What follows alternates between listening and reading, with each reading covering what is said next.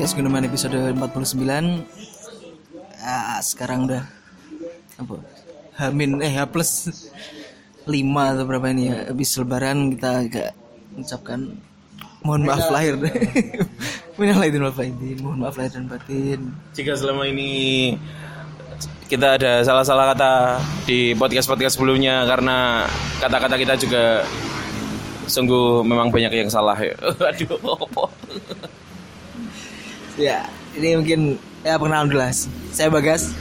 Vian, Yoyo Dan oh, kita mungkin bahas awal setelah men, apa ya lebaran mungkin apa ya nambah berat badan mungkin lah ya. Kita kita makan makan banyak santan. Dan apa ya lebaran di usia yang sudah melewati 25 tahun rasanya ya landai-landai aja sih nggak ada yang nggak ada yang greget atau gimana. Saya pribadi sih nggak ada yang greget ya gitu-gitu aja. Cuma bedanya emang setelah berkeluarga ya semakin ribet lah. Mesti kayak kayak orang kayak orang beneran akhirnya. Gitu ya? iya harus banyak kunjungan ke mana-mana. Soalnya masih muda jadi harus berkunjung ke om-om bule pade. Ke mana-mana maksudnya. Ya road trip sih dari kemarin saya juga. Di Tuban Nganjuk Padi Jeporo. Ah, jadi ya punggung ini rasanya nggak bisa nggak bisa Tapi ditekau mudik, deh nggak mudik, mudik. iya mudik Hitungannya mudik ya berarti. dari desa ke desa Romai desa mudik ke desa ya ya rasanya gitu sih cuma gak ada bedanya cuma lebih sibuk aja dibanding tahun-tahun sebelumnya ya waktu masih lajang ya. biasanya kalau lajang malah kebablasan nggak sholat sekarang udah bangun pagi. Langsung habis sholat id langsung keliling wah beda sih. Sangat bedanya cuma itu aja cuma rasanya apa ya ya puasa ya puasa ya ya, ya nutuk ya gitu. Kalau kalian gimana ini? Lebaran? Ya pokoknya sepeda lah. Iya paling hanya kunjungan ke mana-mana kalau apa yang di beberapa tempat aja. Kalau kemarin ketika udah berkeluarga banyak kunjungan di sanak saudara sanak family kalau kalian Gegap gembitanya nggak terlalu kalau kalau saya sendiri gegap gembitanya nggak terlalu terasa ya. Saya nggak terlalu terasa dari tahun-tahun sebelumnya. Mungkin karena tahun-tahun sebelumnya posisinya masih merantau. Jadi kayak eh, apa ya hamin sekian sebelum lebaran tuh kayak bener-bener kerasa harus siap-siap untuk pulang kampung gitu. Sedangkan kalau ini Hamin satu aja masih masih update kerjaan kerjaan di kantor sekarang terus apa ya yang dulu dulu mungkin masih ada kadang waktu kita masih kecil juga masih mikir pengen beli baju pengen beli apa kayak gitu gitu sekarang juga nggak nggak terlalu itu malah malah malah kemarin sih rada ribet sih itu. Apa? Tukar tukar uang ya. Tukar uang jadi recehan. Kemarin sempat sempat ribet juga di kantor ada penukaran uang buat karyawan-karyawan. Itu di, data juga butuh berapa butuh berapa. Sambil nunggunya itu akhirnya memang ya emang bener-bener kerasanya karena memang di umur-umur segini udah udah nggak lagi dapat angpau malah ngasih angpau ke ponakan-ponakan. Dan ini ya cukup cukup menariknya di situ bedanya. Terus di luar itu sih sama-sama aja. Karena habis sholat ya pulang terus salam-salaman sama keluarga. Karena memang di di tempat saya di nggak terlalu banyak yang yang berkunjung. Jadi ya habis pulang masing-masing masuk rumahnya masing-masing ternyata.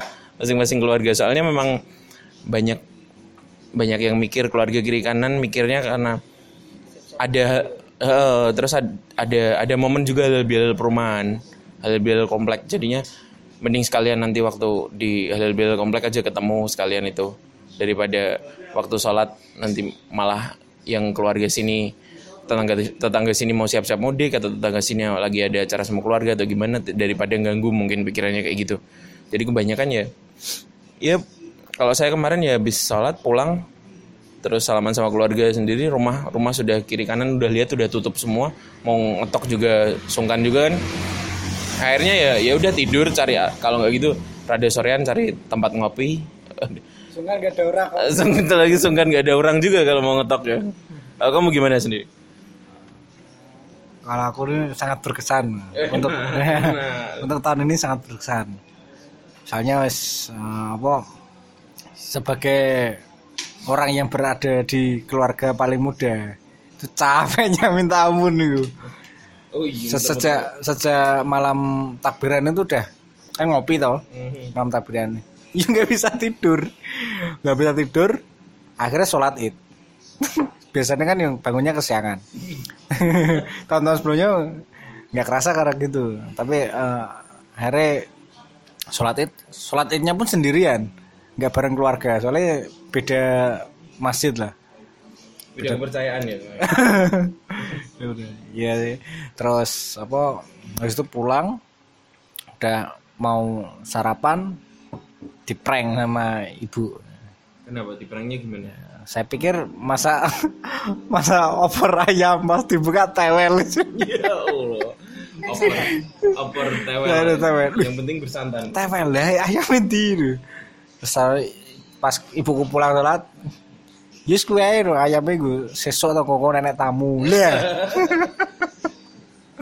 Nah, terus habis itu ya di rumah terus keliling keliling untungnya eh, di keluargaku tertua tuh ya satu kompleks juga rumahnya nenek jadi lebih banyak nunggunya di sana stay di sana terus saudara-saudara datang udah ngantri aja hmm. dan eh, apa ya kesalahanku kalau ditanya udah ngaku kerja akhirnya gak dapat angpau.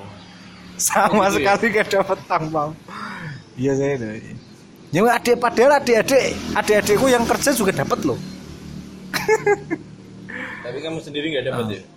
Ya terus habis setelah itu kan banyak gantian terus gantian terus no. terus pas pulang langsung dari keluarga bapak saudara-saudara bapak ngajak rombongan ke saudara sini ya masih dalam kota saya ke saudara sini ke saudara sini. Terus ada dari keluarga ibuku yang datang ke Bojonegoro juga. Terus minta diajak ke rumahnya saudara yang lain nganter lagi. Nggak sempet tidur. Nyolong nyolong tidur nggak bisa soalnya yo posisinya kan rame kan. Meskipun ada waktu tidur tapi kalau lingkungan istirahat itu banyak orang aktivitas kan ya susah tidur ya. Segitu ya ya akhirnya ngopi ya bikin kopi. Sampai bikin kopi langsung tak tinggal keluar. Balik-balik udah dingin terus akhirnya masak kopi lagi diajak keluar lagi. Balik lagi udah dingin lagi. Akhirnya keliling-keliling terus ya nggak dapet angpau capek. Tapi aku heranku kan loh uh, saudara-saudara itu cuma tanya sekarang kerja di mana? Hmm. kok nggak ada yang menanyakan jodoh loh padahal saya batin nih. Saya harus siap no jawaban. Tapi tapi kalau malah pertanyaan yang lain yang keluar. Ya cuma itu sih. Cuma itu nggak nggak ada yang lebih seru. Tapi cuma beda sama yang kemarin. Kalau tahun ini capek banget pindah-pindah tempat nganterin keluarga juga. Iya sih. Tahun apa? Sejak nikah ya setiap lebaran ya pengeluaran ya sedikit bengkak memang. Soalnya ponakan dari istri juga banyak. Biolnya juga dua kali lipat ya. iya ponakan ponakan istri lebih dari 50 anak ya maksudnya. tapi selain selain ngasih kayak gitu pengeluaran apa kalau kalau sudah berkeluarga kayak gini? Saya kalau kalau kan nggak apa ya mau standar baju beli baju nggak sih beli baju nggak beli baju beli beli, beli baju Beli baju baru iya juga. istri soalnya Oh, istri. tapi kamu sendiri ikut ikut iya iya dibelikan istri Yus ngikut aja cuma cuma emang pengeluaran banyak ya buat ngasih amplop itu Benar-benar. dan pertanyaan paling banyak itu tetap ngomongan oh iya Semis- lanjut ya setelah iya setelah setelah belum nikah kan iya ngomongan ya? ngomongan sekarang kalaupun kita apa kalau saya sudah punya pemomongan mungkin bisa sedikit balik modal nanti kan bisa dapat amplop juga kalau oh iya bisa ikut ngantri kalau udah punya anak bisa ikut ngantri oh iya Anaknya disuruh. iya anak iya iya. Cuma itu aja pendapatan. tapi dengan dengan dalih Ini duit disimpan bapak ya. Iya kan masih bayi nanti misal kalau udah. Ini memang yang paling menikmati lebaran kan ponakan-ponakan itu. Hari raya untuk anak kecil. iya, kemarin bah. Selalu setiap sedia, pokoknya 50 lebih lah amplop. bener bener bener pak bener pak. Kemarin untuk apa ya kemarin sempat ya bu, kita buka-buka nominal ya. Waktu nukar kemarin saya nukar sekitar 1000 sampai 2000 K aduh, untuk 10 ribuan eh, sekarang H plus berapa ini ternyata sudah habis selain ngasih ponakan kadang anaknya temen eh, temen udah mulai ada yang punya anak terus kalau ke rum ke rumah ada ada tamu ke rumah terus ada anak kecil gitu kita ngasih juga walaupun orang tua ngasih kita juga ngasih eh, sungkan lah. Cuma kalau kemarin yang cukup berpolemik di di sosmed kan orang-orang cukup bitter ya dengan dengan pertanyaan-pertanyaan kayak gitu. Maksudnya pertanyaan-pertanyaan udah nikah? atau udah punya anak mana jodohnya kayak kayak gitu-gitu. Wave-nya ke kebiteran netizen ini naik cukup tinggi loh dari tahun kemarin nggak saya lihat tahun kemarin masih ya memang mereka bitter tahun kemarin tapi nggak terlalu ya masih banyak yang chill tuh. Kalau sekarang tuh wave-nya tinggi banget. Saya saya lihat di medsos di med- medsos masih tinggi. Kalau kita sendiri kayak gimana? Oh kita sendiri. Kalau saya sendiri kayak bodoh amat gitu loh. Bisa ditanyain gitu ya dijawab se- sebisanya belum ada belum ada belum ada calon atau kayak gimana gitu. Sebenarnya biasa aja tuh ya. Cuman kenapa kok di sosmed kayak gitu? Kamu Lagi sendiri dapat wave pertanyaan kayak gitu gimana ya kemarin? Ya kalau di med- medsos tuh mungkin lebih ngetren aja jadi topik. Untuk untuk dibahas rame-rame ya jadi konten. bisa jadi konten jadi tren. Aku juga sempet ikut-ikut ya ya ada apa ya menyiapkan pertanyaan yang mungkin unik atau ya apa no. Hmm. tapi pada akhirnya ya kemarin tuh nggak nggak nggak ada pertanyaan-pertanyaan seperti itu. Mana jodohnya sudah anu kerja di mana? Ya nggak begitu banyak. Memang saudara-saudara beberapa saudara yang apa jarang banget ketemu ya tanya cuma cuma tanya sekarang udah kerja? Udah di mana? Bojonegoro aja. Oh ya wes terus gak ada yang mendetail tanya kerja apa mesti kamu bingung jawabnya. Iya enggak? Hmm. kerja apa ya ya, Startup yuk. ya apa ya Mereka nggak tahu startup Ya. apa.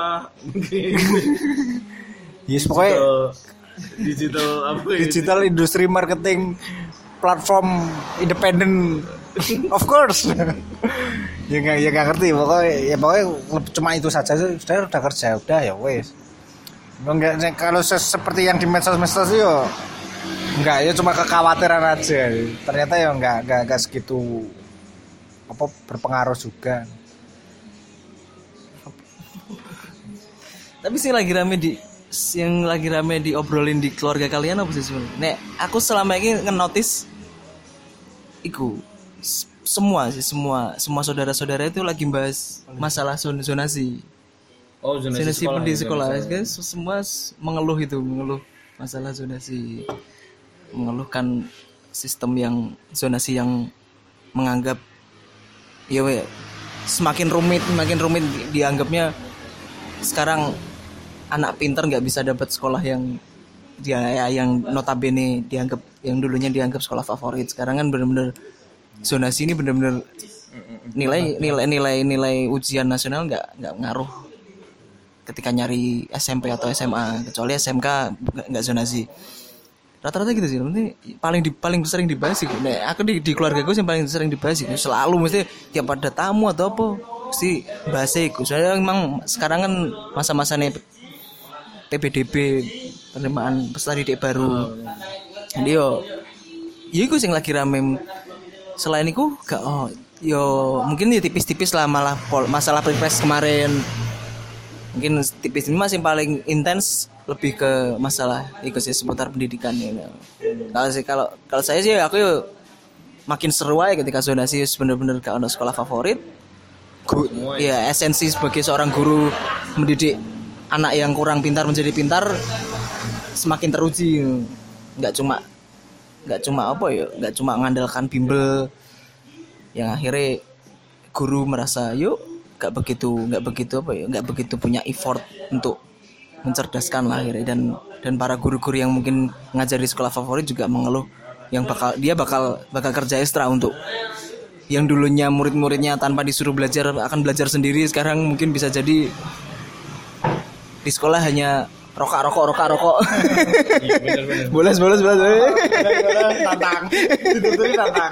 Ya, ya, ya, selamat dinikmati aja bagi guru-guru ini untuk zonasi. Kalau di keluarga aku sih bahasnya paling rame gue, paling paling paling intens sih. Kalau di keluarga kalian gimana? Kemarin sih kalau di keluarga sih bahas stabilitas jalur Gaza sih. enggak, enggak, enggak. Karena memang banyak banyak keluarga yang yang merantau cukup jauh ya. Kemarin sih cukup intens ya tol sih. Masalah tol perjalanan perjalanan mudik. Jalan mudik terus ya banyak banyak polemik. Ada yang bilang oh makin makin cepat dan lain sebagainya kayak gitu. Bukan karena nggak apa ya pilihan presiden sih bukan karena itu. Cuma cuma ada yang ada yang bersyukur bahwa makin cepat akhirnya mudiknya. Ada yang ada yang cukup mengeluh gara-gara uh, bayar tolnya mahal banget. Katanya bayar tolnya mahal banget ya sampai ratusan ribu. Bener sampai hampir hampir jutaan ya kalau kalau dari Jakarta sampai Surabaya ya. Perkiraan kalau tak hitung hitung kayak per kilonya seribu deh, per kilonya seribu? Seribu rupiah kayak per kilonya. jadi kalau seribu kilo ya sejuta ya hitungannya hitungannya ya. Iya itu sih yang yang cukup intens itu selain selain mungkin zonasi. Kalau zonasi udah udah mungkin ke mas-mas mbak-mbak yang yang anaknya sekolah kayak gitu. Soalnya memang Pak Di Bude semuanya anaknya sudah tidak di di di itu sekolah sih. Soalnya termasuk saya termasuk yang paling kecil kan. Kalau di kalau di tatanan Pak Di Bude sama keluarganya bapak ibu kayak gitu lah. Jarang yang jarang yang masih sekolah mungkin itu. Terus apalagi ya? Ya berkenaan dengan pilek kemarin karena ada ada keluarga yang nyalak juga. Jadi ya ngomongin itu juga. Dibully sih enggak cuman dia curhat sendiri. Ya kita sih cuma dengerin aja sambil minum toa. Aduh tuban tuh tuban pride aja. Kalau di keluargamu gimana? Ya apa yang diomongin? Keluarga gue sing kan keluarga gue kan sangat besar sekali ya dan mayoritas oh mayoritas. Sebagian besar yo ada di Bojonegoro. Jadi deket-deket yang yang jadi topik pembahasan itu pemetaan keluarga.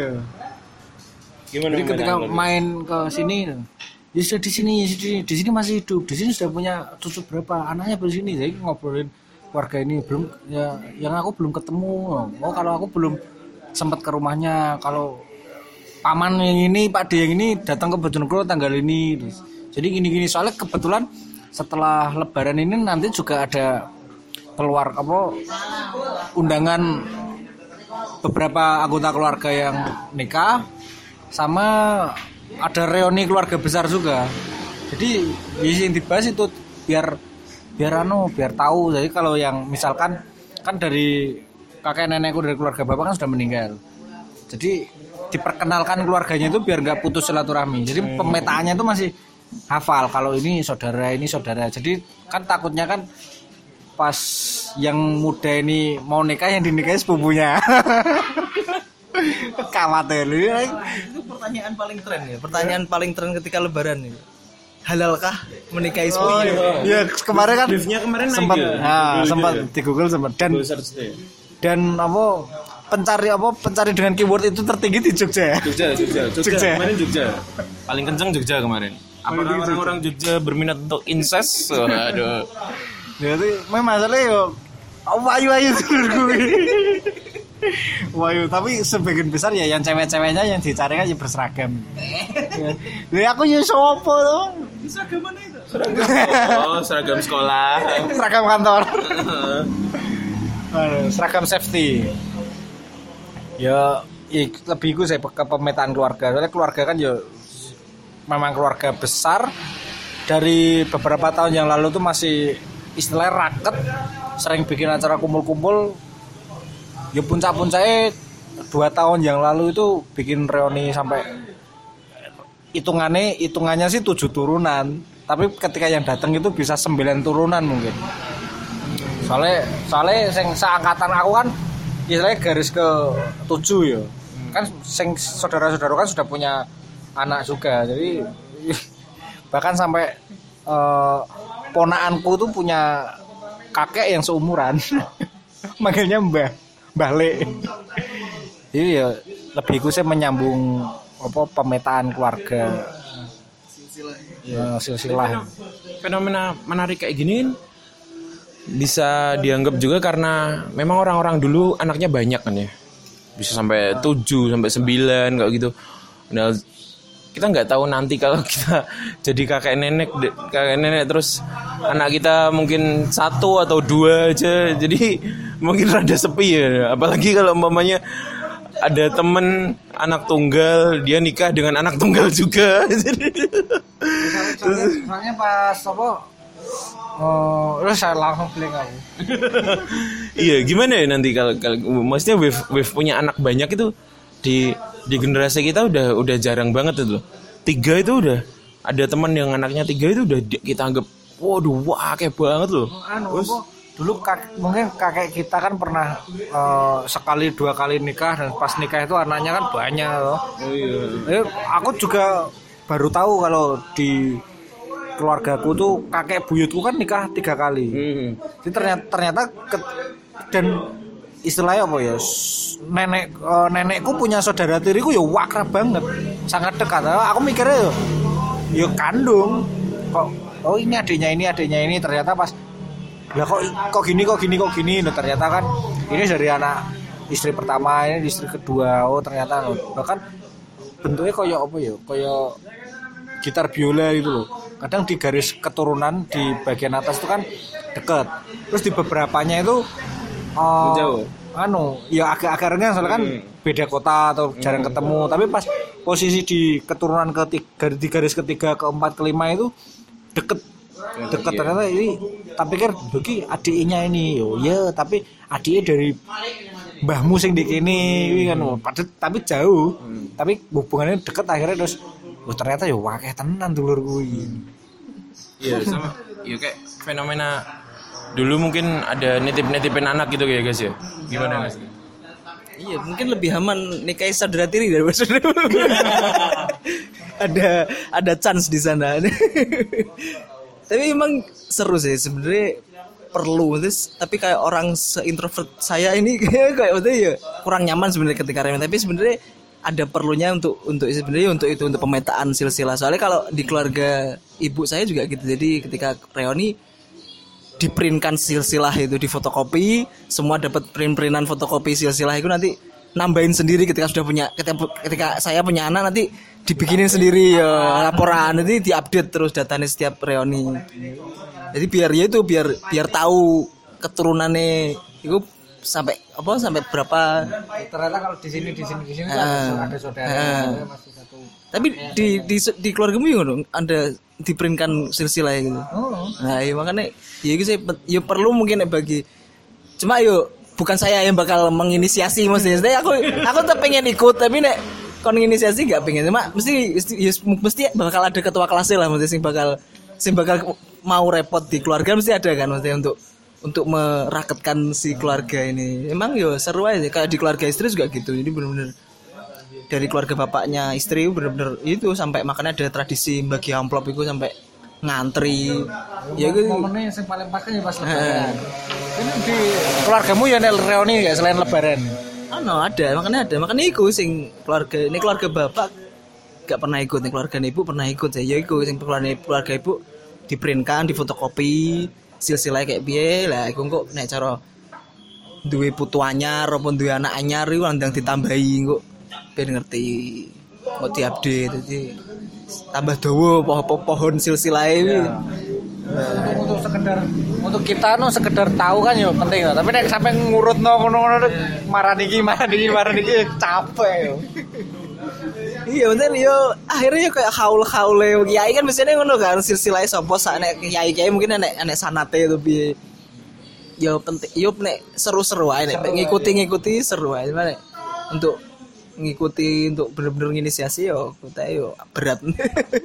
Soalnya aku kurang nyaman jadi ketika reuni yo sustis yo gak bisa di keramaian maksudnya aku ya gak iso gampang gak iso langsung cair.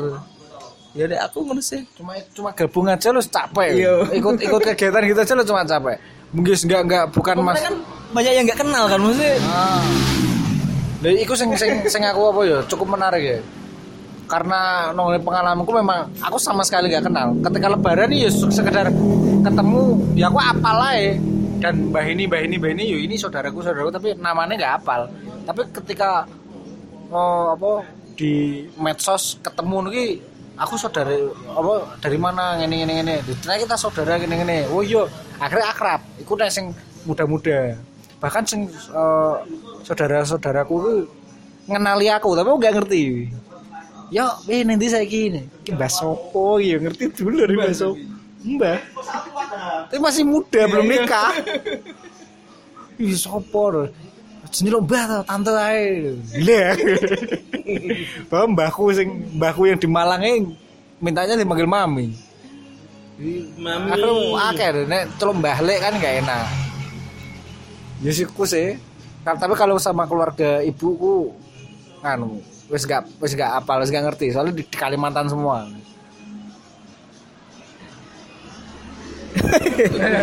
iya gitu bahas lebaran kayak ya ya seputar itu lah seputar banyak banyak pembahasan sing mungkin ya mesti tol ya pendidikan terus mungkin pemetaan keluarga. Soalnya bener-bener ya momen untuk kumpul-kumpul memang ya itu. Pasti pas lebaran itu yang dimanfaatkan. Soalnya ya, ya penting juga sih untuk men- menjalin silaturahmi. Katanya kan juga buat apa? Nambah umur ya. Nambah rezeki. nambah rezeki nambah umur. Tapi di kemarin berita yang lagi santer juga ini cukup mengganggu cukup mengganggu. Pandangan. Ada apa ya ada sebuah isu-isu cocoklogi yang kembali naik ini masalah Illuminati yang kota Illuminati. ada katanya. Bukunya itu Garut. Garut kata Illuminati katanya. Ini Garut. Jawa Barat ya. Orang-orang Jawa Barat ini emang ajaib-ajaib sih, Pak. Iya, ini ada salah satu Ustadz Rahmat Baikuni yang ya, Ustaz, Ustaz, Ustaz Rahmat Baikuni yang sempat menyerang Gubernur Jawa Barat Rahmat Ridwan Kamil terkait oh iya pembang Masjid Al Safar atau apa namanya lupa sih. Maksudnya, itu di Bandung atau di mana nggak tahu lah. Pokoknya di sana di indikasi ada apa arsitek arsitekturnya ya segitiga segitiga dan Dianggap Illuminati. dianggap Illuminati. Eh, ini mendekat apa Dajjal semakin dekat atau gimana lah. Tapi yo Illuminati sama Dajjal. Hubungannya, Pak. ya gimana yo? Isu yang itu kapan ya? Saya rame-rame emang yo ya selalu rame sih sebenarnya. Cuma eh, entah kenapa ya entah kenapa orang orang Islam memang terlalu insecure dengan Yahudi kan maksudnya dengan dia dia mesti sangat mengantipati ketika ada peserbaran yang bisa jadi ini salah satu alat untuk menyebarkan lambang-lambang yang mungkin dianggap ya dianggap apa ya dianggap dianggap berbau berbau Yahudi berbau Dajjal yang akhirnya entah kenapa Ridwan Kamil juga menggubris lah menggubris menggubris ceramah si Rahmat Baikuni dan akhirnya tadi lah ya tadi di tanggal 10 ya tanggal 10 ini tadi diskusi terbuka dan akhirnya ya nggak sempat lihat ya sebenarnya cuma di lini masa Twitter ada yang ada yang bilang ya biar biar biar bagaimanapun si fans fanatiknya si Rahmat Baikuni juga meramai yang mesti yang paling datang ramai kayak dia dan akhir bahwa dari kubu mereka lah yang akhirnya si Ridwan Kamil malah disorak-sorai ketika menjelaskan atau gimana. Ya gimana ya ketika orang udah udah alergi pada ilmu pengetahuan dan menganggap sebuah sebuah apa ya sebuah geometri sebuah bidang dianggap iya dimiliki suatu apa ya terlalu beras, terlalu, terlalu diasosiasikan dengan simbol tertentu yo yo susah yo. Padahal yo geometri yo netral nggak nggak nggak nggak ter nggak terasosiasikan dengan apa pun. Makanya karena si Illuminati ini yang katanya apa ya un unfinished pyramid atau gimana ya kalau lambang mata satu yang ya gimana yo. Ya tapi nggak tahu sih mesti itikat baik si entah itikat baik atau apa Ridwan Kamil menggubris itu ya untuk mengamankan posisinya atau gimana ya nggak tahu sih. Kalau kalian gimana sih? Ada ada ada komentar gak mungkin terkait si cocok loginya si Rahmat Baikuni? Dan Rahmat Baikuni juga sempat bilang kalau dia tidak berniat untuk menjatuhkan Ridwan Kamil. Dia hanya berusaha untuk apa ya menangkis menangkis bahayanya Yahudi. Gimana? Komentar kalian gimana? Kayaknya Pak Ridwan Kamil ini cukup punya waktu luang, nggak saya lihat. Biasanya sampai me- menanggapi seorang self proclaim ustadz. Pasti ya Allah, ini ustadz nggak segitu-gitunya lah Pak. Mending Pak Pak Ridwan Kamil sampai sampai sampai menjelaskan kayak di Masjid Nabawi juga mihrabnya berbentuk segitiga kayak gitu-gitu. Iya, ada bentuk segitiga dan, dan bentuk segitiga itu hal yang biasa. Ya memang namanya geometri namanya bentuk ya. Ya nggak ada afiliasi sama satu satu kaum lah. Kita terlalu ya umat Islam terlalu terlalu terlalu takut dengan tanda-tanda dan simbol-simbol. Dia terlalu banyak semiotik semiotik yang yang terlalu di, diagungkan gitu. Sehingga apalagi kalau berumah eh, apalagi FPI juga logonya juga segitiga. Kenapa nggak di demo? Yang apa ya maksudnya kayak hal kayak gitu sebenarnya hal remeh lah. Memang tempat ibadah itu tempat yang suci kan. Maksudnya nggak usah nggak usah terus diperdebatkan. Bagus loh itu itunya maksudnya lihat desainnya. Pak Ridwan Kamil apalagi dia, dia arsitek tuh sebelumnya. Nggak mungkin lah sembarangan terus naruh simbol-simbol apalah. Tapi itu emang ya reka-rekaan mereka aja kaum kaum mereka ini. Kaum kaum mereka ini selalu kayak gitu dari kemarin-kemarin cukup rame. Ada aja yang diributin. Ngapain sih? Sebenarnya mereka ngapain loh? Nyari Kurang- rame aja biar sibuk aja Ya, tadi aku juga nggak- sama sekali nggak mengikuti kasusnya dan apa fenomenanya baru tahu juga ketika Bagas mau bilang. Malah bilangnya baik kuni tapi kira kira aku robot gedek. Baik kuni. Bapak jalanan ya sama anak-anak serabut gedek yang kasus apa pemaksaan tujuh pemuda anak jalanan itu. Baik kuni ya. ya sebenarnya memang yo kan isu-isu Illuminati, Daja, New World Order, Unfinished Pyramid, 1A itu ya banyak dan termasih saja bergulir dari bahan pembicaraan. Cuma kok jatuhnya ki pas di nguni agama mana agama mana. Memang memang di Indonesia kan masih terus digoreng isu-isu agama agama agama. Padahal ya sebenarnya memang nggak ada hubungannya. Loh, toh, toh bumi datar itu ya memang pembahasannya udah ekonomi global bukan sains. Sampai sekarang kan dalam apa oh, muncul lagi penganut bumi donat bumi tabung. Padahal itu kan semacam bentuk respon satir. Tapi yuk ya kok mana yang drama dan orang-orang ngapain sih? Cukuplah cukup kita nonton aja drama nih jering. Di Twitter gak usah nambah-nambah drama mana aku nggak begitu ngerti cuma yo lebih ba- yo lebih baik sih nek. Apa ngene loh sing intine iki ketika ceramah sopo yo? Apa dari atau dari buku mana? Apa buku Sunan Kalijogo yo? Ketika oh anu aku aku ingat pas zaman masih kuliah di Malang ikut ceramah di apa ya kuliah di gune masjid itu loh pas mau buka puasa itu ada ceramah. Itu penceramahnya itu salah satu dosen teknik di Universitas Muhammadiyah Pemanan. Muhammadiyah apa UB ya? dari situ pokoknya itu orangnya nggak masuk berarti bukan Muhammadiyah pak. Aku lupa pokoknya orangnya itu me- me- mengajak kita bahwa masjid ini masjid apa ya aku lupa namanya. Di Dewan Daru itu masjid ini mulai sekarang mulai puas mem- memanfaatkan momen mulai puasa ini dibuka ruang diskusi untuk mahasiswa kapan pun difasilitasi untuk diskusi untuk bikin program masyarakat apa pun boleh dikasih difasilitasi dan diharapkan nanti setelah lebaran tetap berlanjut diskusi-diskusi itu. Soalnya orangnya mengajak bahwa eh, peradaban kita itu dimulai dari masjid jadi kita belajar di kampus juga belajar di masjid. Aktivitas jadi ma- masjid itu tempat ibadah. Masjid itu harus memfasilitasi dan agar semuanya itu belajar dan aktif. Itu jadi ngono. Lebih bagus itu program seperti itu daripada ngurusi cuma bangunan nih bener pak. Maksudnya daripada zaman zaman dulu pun masjid digunakan untuk strategi perang. Ah. ketika Islam masih berperang dengan kaum Quraisy ya. aktivitas-aktivitas seperti itu kan apa ya yang sekarang mungkin dilarang masjid jadi kayak semacam dikultuskan gitu loh ya itu yang yang bahaya tidak boleh masih tidak boleh dimasuki politik Lih. Hello. ini kalau nek yang aku yang aku denger dulu zaman Nabi Muhammad memang segala aktivitas apa perekonomian, perpolitikan, kemiliteran semua dari masjid. Terus ketika masuk Indonesia, saya memanfaatkan momen seperti itu tuh Sunan Kalijogo. Tapi Sunan Kalijogo lebih ke apa ya? Pendidikan dan budaya. Ya, ya termasuk yang lainnya memang ke surau-surau itu dimanfaatkan untuk ruang diskusi, terus apa? ruang rapat, ruang kumpul-kumpul di situ. Tapi selama ini akhirnya aku neng ngarani ya searek-arek apa ya orang-orang permukaan.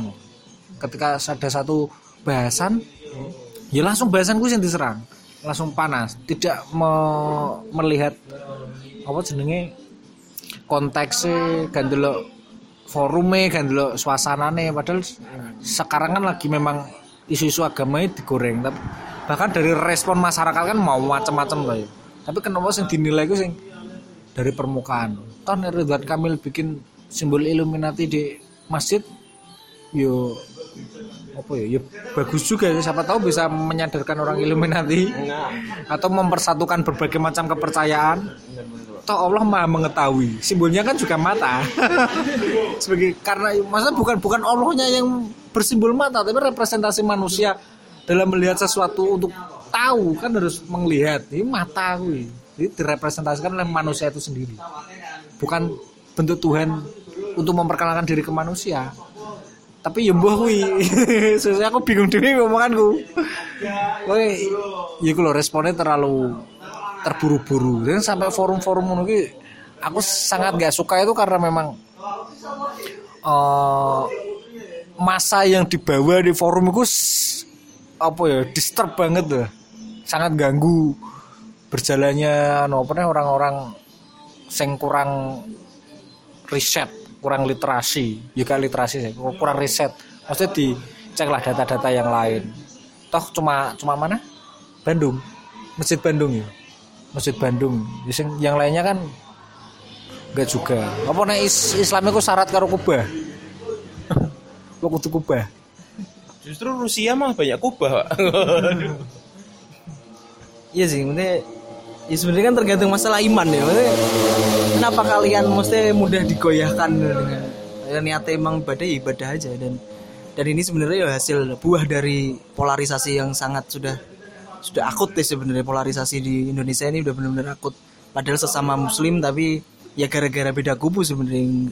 Nggak bisa dipungkiri, mesti nggak bisa dipungkiri. ini golongan. Ending-endingnya ini memang memang ini keberpihakan sebenarnya. Ini hanya masalah ya polarisasi itu yang sudah terlalu berlanjut yang akhirnya dia menganggap kubu selain golongan 212 ini pasti orangnya sekuler dan menganggap ya kubu-kubu yang sekuler ini mesti memanfaatkan untuk menyebarkan hal-hal yang berbau satanis berbau dajjal.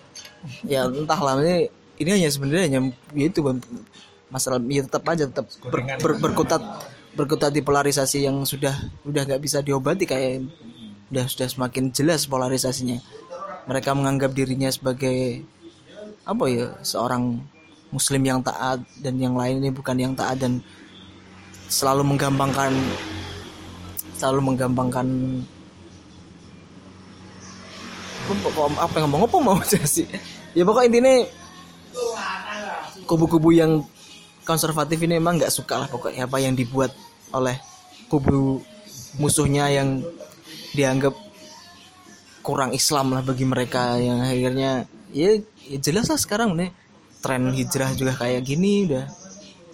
Beda kayak dulu nanti dulu yang masih slow orang-orang Islam ya masih bisa apa ya bisa beradaptasi sekarang udah bener-bener apa ya makin makin keblinger sih dengan dengan ke, iya kearap-arapan dan merasa imannya paling bener dan dan mesti kalau merasa paling bener cara ngajaknya pun dengan kebencian menurut saya. Dan akhirnya bikin orang yang ingin mengenal Islam juga malah risih Ju- justru malah jadi bumerang sebenarnya.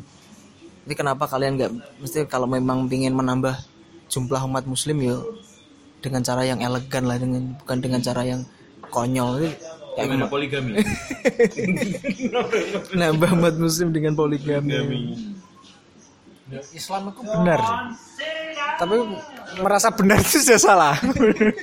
Iya bu ya analogi nih. Cuma eh, sing sing menarik itu ketika kemarin ketemu Hendra. Hendra itu cerita pengalaman pas di mana Bali kerja di Bali. Kan ceritanya itu anu deh. Ketika ada acara keagamaan di Islam itu masyarakat Bali itu malah koyok jadi pelayan loh. Jadi pelayan. Semua difasilitasi dan semua aturan itu malah apa nengarani meng, mem- mempermudah orang Islam di Bali malah. Oh, bahkan sampai pecalang-pecalang lo giri sepeda motor ngatur parkir. Untuk acara apa koyok apa jenenge nengarani? Ceramah-ceramah. Itu sampai koyok ngono iku. Bahkan waduh deh, di Bali itu orang-orangnya malah kayak melayani orang Islam. Yo koyo ngono iku lah toleransi. Terus sing sing paling dekat dengan Bojonegoro kan Lamongan itu. Sing hadep-hadepan mbek bersebelahan. Berapa apa empat empat tempat ibadah iki. Bahkan sampai kegiatan gereja itu digeser karena orang Islam terawih. Nah, koyo ngono iku kan itu lebih penting daripada ngritiki bangunan. Toh ketika masjid eh apa jenenge? Masjid dengan atasnya itu bentuk segitiga terus "Lah, masjid e kok segitiga Illuminati. Terus masjidnya mengkoreksi diri menjadi kubah kan juga. Jadi lebih ke orang-orangnya yang di, di dikritik dibentuk ya. Maksudnya dibentuk tapi ya dikritik tapi tujuannya membentuk kan ya or manusianya soalnya so dinamis kan manusia itu bukan bukan kebangunan nih. Toh nek ya sangat keliru nek niatnya cuma me- merasa golongannya lebih baik dengan cara meng, apa ya membahas sesuatu sing bukan perilakunya. Apa ya barang mati kaya Islami Islam itu ya Islam. Ya identitas iman ya iman. Wis gak enek nggak ada iman A iman B iman C nggak ada. Yo iman ya iman. Iman kepa- kepada Allah yo ya iman kepada Allah. Gak enek terus lebih beriman iya lebih lebih percaya percaya ya percaya wis gak enek lebih ya ngono iku. Mak sing paling menarik saka kasusku ya apa komentar netizen di Twitter. Ya sama aja sih. iya aku gak Iya. Ridwan Kamil sing koyo ngono kok yo menanggapi? Ya wes lah maksudnya makin pelik ya maksudnya ya mereka yang konservatif mesti menganggap kubu sebelah sebagai orang yang liberal dan sekuler menganggap toleransi ini dan pluralisme ini sebaiknya tidak ada. Mereka yang konservatif kan kita menganggap menganggap yang sekuler dan dianggapnya sekuler dan liberal ini toleransinya kebablasan. Padahal yo yo wacana wacana toleransi itu bukan untuk mayoritas bukan untuk minoritas pasti yo nggak nggak nggak ada ceritanya mayoritas diminta untuk dihormati minta untuk ditoleransi yo yo yo bukan. Soalnya kemarin juga sempat ada rame-rame di India itu. Ada muslim ada seorang ada pekerja tapi ya dipukuli gara-gara makan sapi. Terus orang muslim ya? muslim muslim makan sapi dipukuli sama si ekstremis ekstremis Hindu. Itu orang-orang konservatif ngomentari. Dia bilang bahwa di sini malah apa ketik ya orang apa enggak enggak orang-orang Islam orang konservatif di Indonesia. Di Indonesia itu mengomentari masalah India itu malah bilang bahwa di sini orang sini malah disuruh menghormati orang yang tidak puasa. Yuk itu piye? Masa bakal niru niru apa yang dilakukan orang Hindu? Kan yuk masa kini terus ketika orang ngomong gak poso terus kini melu gepui gara-gara gak poso gak, gak menghormati aku sing poso ya kan yuk iya kon kon iki aku gak aku gak paham tapi kan isune koyo iki global loh. walik I- Iya no, iya, ya cara pandangnya ngono soalnya merasa benar loh. Apa yang melemahkan kita dibalik apa yang ketika kita apa playing victim gitu istilahnya. tapi memang itu koyo terjadi secara global soalnya ketika posisi kemarin hasil sepak bola final Liga Champion kan yang menang di Liverpool salah kan pemain Liverpool ya salah. Itu ada orang orang Muslim kulit hitam. Nggak nggak ngerti asal negaranya mana. Itu ngomentari saya merasa tidak senang. Meskipun Liverpool menang saya tidak merasa senang karena salah sebagai muslim apa salah bukan muslim yang baik. Gara-gara dia tidak bisa me, me- apa sih, memberikan pendidikan kepada adiknya perempuan cara berpakaian secara Islam ya. Sa- bahkan sampai di sana juga isu kuis yang terangkat. Isu global atau memang orang Indonesia yang nggak pulang-pulang ini menyebarkan di sana Indonesia kok gini aku juga kudu kayak gini iya apa cara cara penyebaran ini? Cuma kan isunya memang global. Ya, nggak ngerti sih. Tapi pikir ya Indonesia toh yang parah. Di luar negeri enggak padahal yo yo beda-beda ya maksudnya beda-beda nggak ngerti pengaruh mereka dari mana. Ya sih. Iya sih kalau kalau menurutku sih memang bic- bicara soal ekstremis soal fasis yo yo siapa pun bisa. Ya, di mana pun pasti ada orang ya agamanya apa pun ya ekstremis selalu ada fasis selalu ada. Jadi yang bikin risih kan sebenarnya mereka mereka ini mereka merasa paling benar yang akhirnya berhak untuk menghakimi orang yang dianggap mereka salah ya ya cukup cancer sih sebenarnya ya, Kema- yang tadi aku lihat berita ramai itu India meminta Malaysia untuk mengekstradisi Zakir Naik. Iya, Tapi gak tak wacok berita dari cuma lewat. Komennya, wah komennya wakeh. Ya wis ngono tak sih. FYI aja.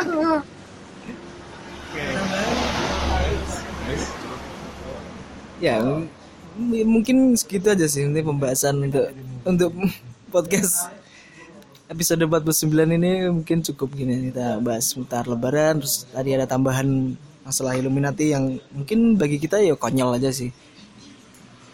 Ya gimana ya ya nggak usah di, nggak usah terlalu dikasih panggung ya sebenarnya mereka ini.